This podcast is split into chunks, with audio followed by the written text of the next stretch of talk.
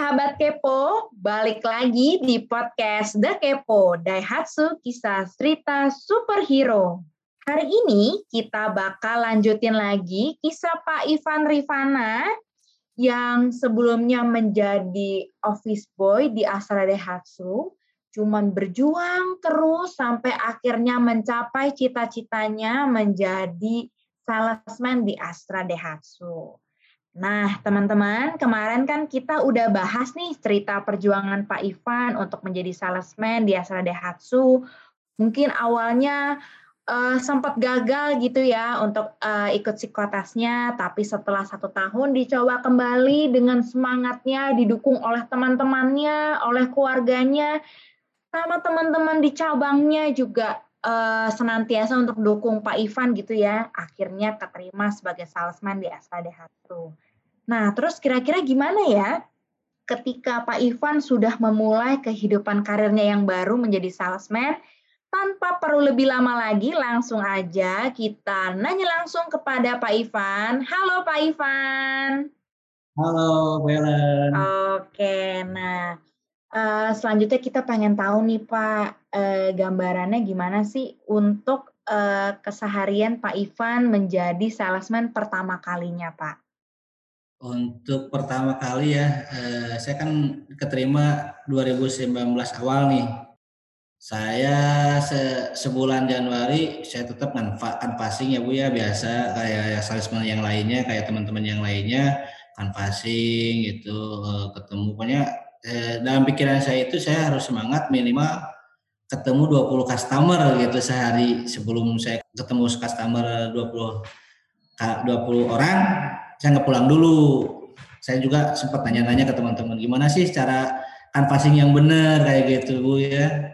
Soalnya kan saya S0 waktu itu masih ya sales junior ya Bu ya. Nanya-nanya dulu ke teman-teman Bu nih nanya-nanya gimana caranya kalau saya canvassing ke daerah mana eh, apa yang intinya mereka bilang ya udah kalau misalnya ke pasar cari orang-orang yang di pasar yang begitu minat langsung tulis follow up tulis follow up tulis follow up kayak gitu.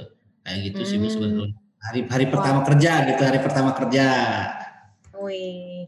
Hari pertama kerja aja Pak Ivan udah standarnya udah tinggi banget ya Pak ya. Yang penting udah ketemu 20 customer udah gitu nanya-nanya ke teman gimana sih uh, uh, caranya untuk canvassing yang benar, cara hmm. biar mungkin dapatin uh, customer yang mungkin minat untuk beli gitu ya Pak, beli produk PHU. Nah, tadi Pak Ivan sempat ngomong S0 sales junior. Nah, mungkin bagi teman-teman di rumah nggak tahu nih tingkatan salesman di Astra DHC memang ada apa aja sih Pak? Mungkin bisa dijelaskan Pak. Kalau untuk salesman sih sebetulnya tingkatannya eh, pertama S0 ya Bu ya, eh, tiga bulan pertama S0 Nah, hmm. kalau misalkan kita lolos, kita masuk eh, jenjang karir ke S1, Bu. Hmm. S1 itu tetap kita per eh, per semester kita di target juga kan biasa eh, kalau misalkan lolos kita bisa nikat ke S2. Terus kalau S2 juga lolos, kita bisa ningkat ke S3. Tingkatannya bertahap gitu, Bu.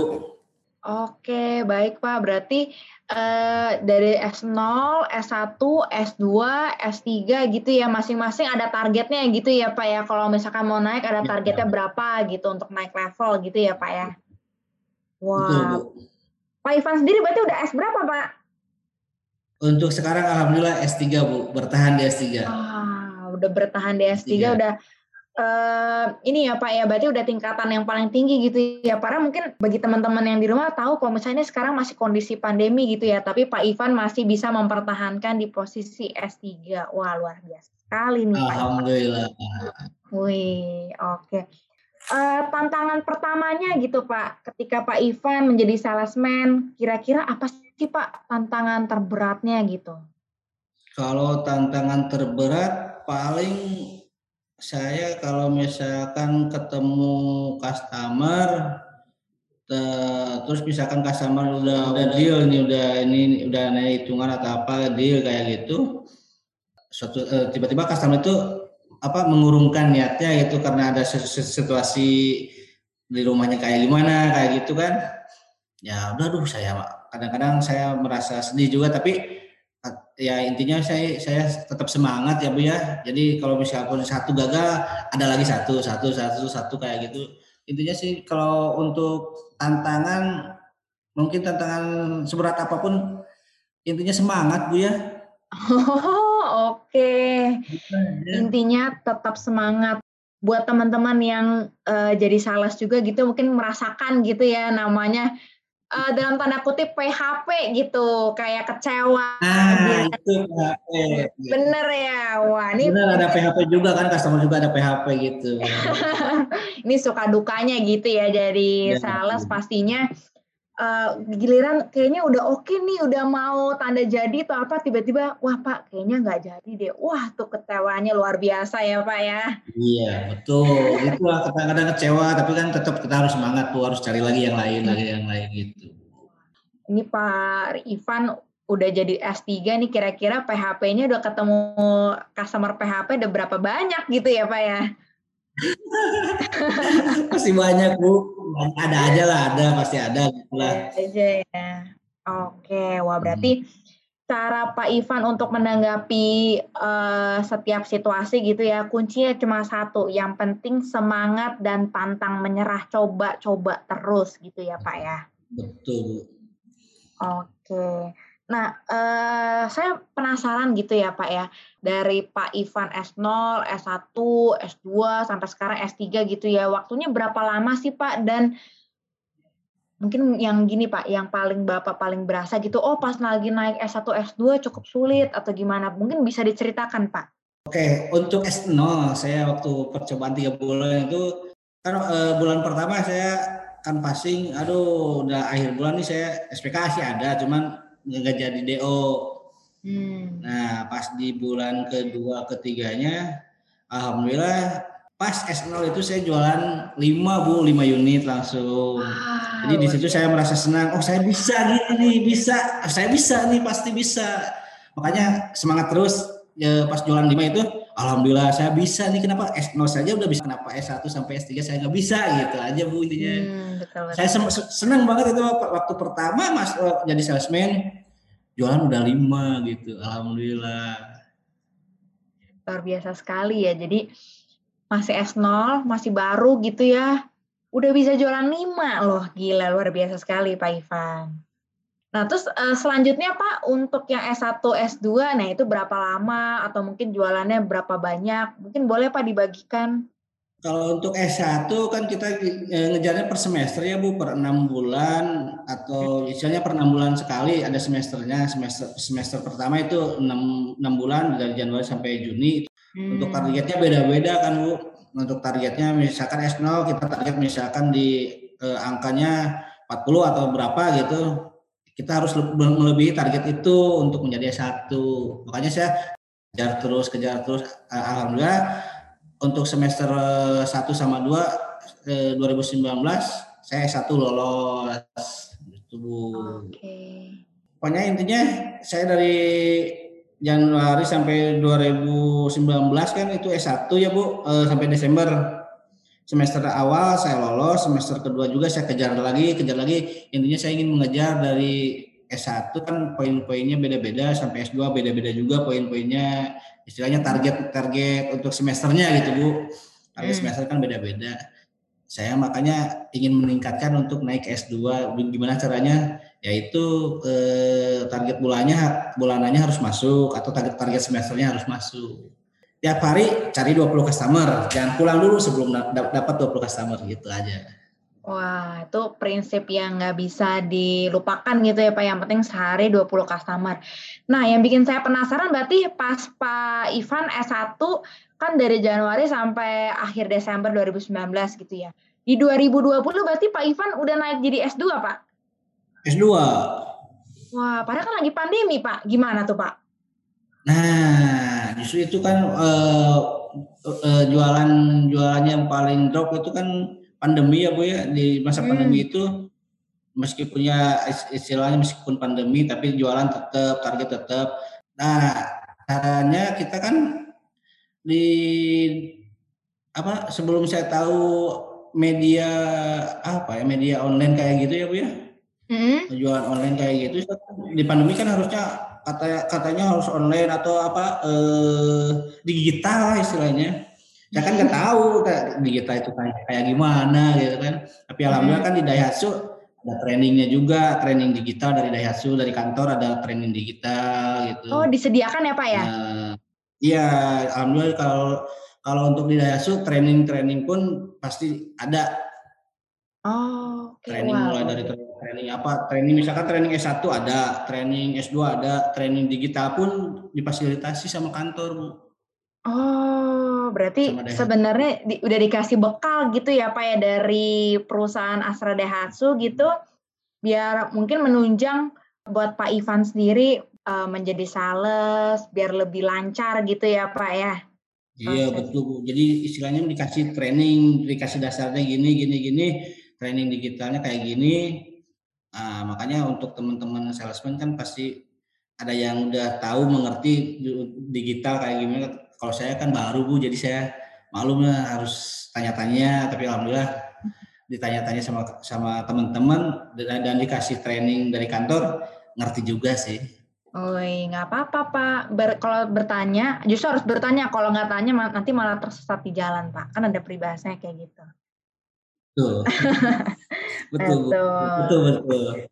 Oke, wah berarti uh, dari uh, kisahnya Pak Ivan gitu ya S2 bisa dapat S2 di 2020 gitu ya tingkatannya. Berarti S3 di 2021? 2021. Wah gila, berarti uh, naik satu tingkat satu tahun gitu ya naik satu tingkat satu tahun naik satu tingkat walaupun dalam kondisi pandemi seperti ini tapi masih bisa gitu ya pak ya betul yang saya banggakan sih di masa covid yang paling saya apa namanya berkesan itu walaupun covid saya dapat ini dapat hadiah ya istilahnya bonus dari atasan gitu karena jualan yang jualan banyak gitu.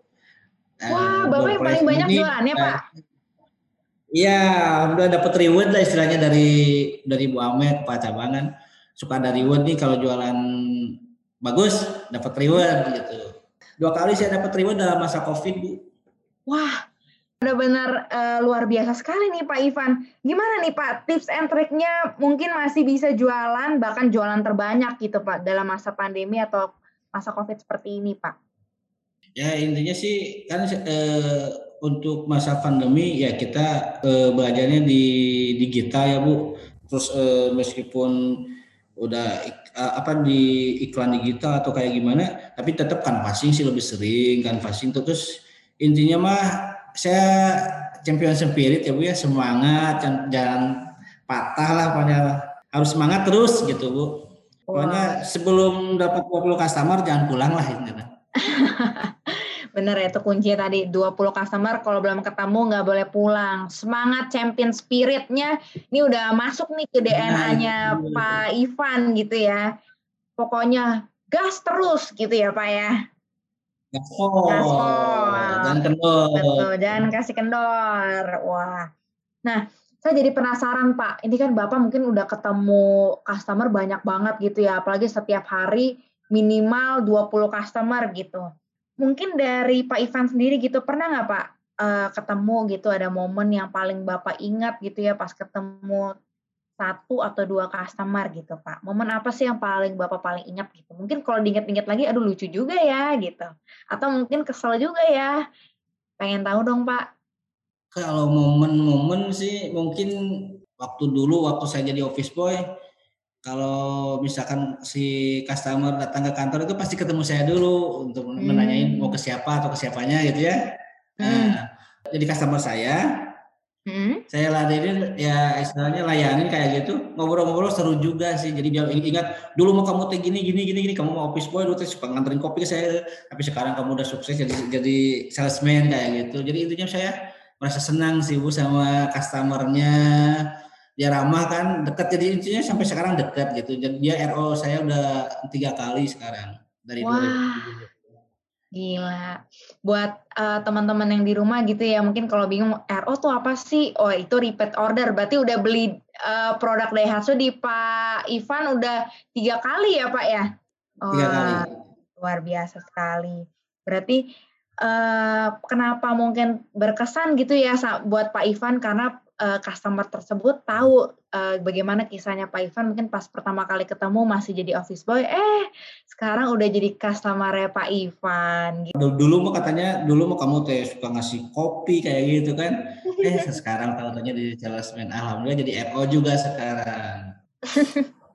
Senang ya Pak kalau misalkan ketemu kayak hmm. gitu kayak istilahnya uh, tahu awalnya kayak gimana, sekarang udah mungkin dalam tanda kutip udah jadi sukses gitu ya Pak ya, udah jadi uh, apa customer tersebut udah jadi klien Pak Ivan, wah rasanya justru malah makin semangat gitu. Yang istilahnya yang awalnya nggak mungkin, eh malah sekarang jadi mungkin gitu ya Pak ya. Iya. Nah, saya juga penasaran nih Pak, arti customer gitu ya bagi Pak Ivan sendiri itu seperti apa sih Pak? Kalau customer anggapan saya itu adalah uh, istilahnya ya bisa dibilang teman, bisa dibilang keluarga atau kayak gimana. Yang penting kita bagaimana menghadapi customer tanpa istilahnya mengeluh, Bu. Walaupun itu customernya cerewet atau kayak gimana kan, kadang-kadang customer ada yang cerewet, ada yang PHP kayak gitu. Tapi kalau kita nggak mengeluh, ya insya Allah customer juga bisa dirangkul sama kita, Bu. Wih, istilahnya customer mau macam apa pun gitu ya, asal kita nggak ngeluh, pasti kita bisa pahamin, bisa rangkul gitu ya Pak ya. Gitu. Gitu. Wah, luar biasa sekali nih, banyak banget nih hari ini. Tambah lagi pelajaran-pelajaran berharga yang didapetin dari Pak Ivan. Nah, mungkin sebelum menutup ini gitu ya Pak ya, mungkin ada pesan nih Pak buat uh, teman-teman salesman lain atau mungkin teman-teman yang lagi berjuang mau jadi sales gitu ya Pak ya. Kira-kira bagaimana sih Pak uh, pesan buat uh, pesan dari Bapak untuk tetap berjuang di kondisi pandemi seperti ini? Kalau menurut saya pesannya saya sih tetap ya champion spirit yang utama ya Bu ya, jangan menyerah, pantang menyerah. Jaga kesehatan untuk pandemi sekarang, jaga kesehatan, kalau untuk mau belajar ya terus belajar dan berusaha. Yang penting doa, terus semangat, terus jaga kesehatan lah itu aja Bu. Wes, oke mantap sekali ya. Karena uh, jaga kesehatan, jaga protokol kesehatan paling penting karena kalau misalkan nggak sehat gimana mau jualan gitu ya Pak ya? Oh. Betul, berarti tetap jaga kesehatan, pantang menyerah, dalam kondisi apa pun gitu ya kalau udah set target ya harus dicapai. Jangan malah kayak uh, dengan kondisi pandemi ya udah deh kita kendorin dikit. Jangan kasih kendor justru tetap harus gaspol gitu ya. Terus gaspol dengan gaspol terus sampai tadi mungkin ya berbagai tantangan yang dihadapi juga harus bisa uh, kita berani untuk uh, apa ya kita hadapin gitu ya. Dan setiap fasilitas yang ada gitu mungkin berbagai training terus ikutin zaman gitu ya harus zaman online juga kita harus bisa beradaptasi gitu. Jangan sampai kita malah tertinggal. Dan mungkin ketemu dengan berbagai customer atau mungkin berbagai ketemu uh, berbagai macam orang gitu ya yang pasti kita harus berusaha untuk memahami dari sisi mereka. Wah ini banyak banget nih uh, yang dapat kita pelajari dari Pak Ivan. Wah terima kasih ya Pak Ivan hari ini lagi-lagi kita belajar banyak dari sharing-sharingnya Pak Ivan. Terima kasih juga buat sahabat kepo yang di rumah gitu ya sudah mendengarkan obrolan kita mungkin dari episode minggu lalu. Hari ini kita juga dengerin juga berbagai kisah dari uh, Pak Ivan gitu ya. Tentunya pasti bisa menjadi inspirasi buat teman-teman uh, sahabat kepo seperti itu. Nah, Teman-teman jangan lupa ya untuk terus stay tune dan follow Spotify kita, The Kepo, juga Instagram kita di @asradehatsu underscore career. Tentunya kita akan temenin sahabat Kepo dengan berbagai kisah inspiratif dan tentunya uh, banyak banget yang dapat kita pelajarin dari superhero Dehatsu kita lainnya. So, stay tune terus dan jangan lupa pantengin terus Spotify kita. Sampai jumpa.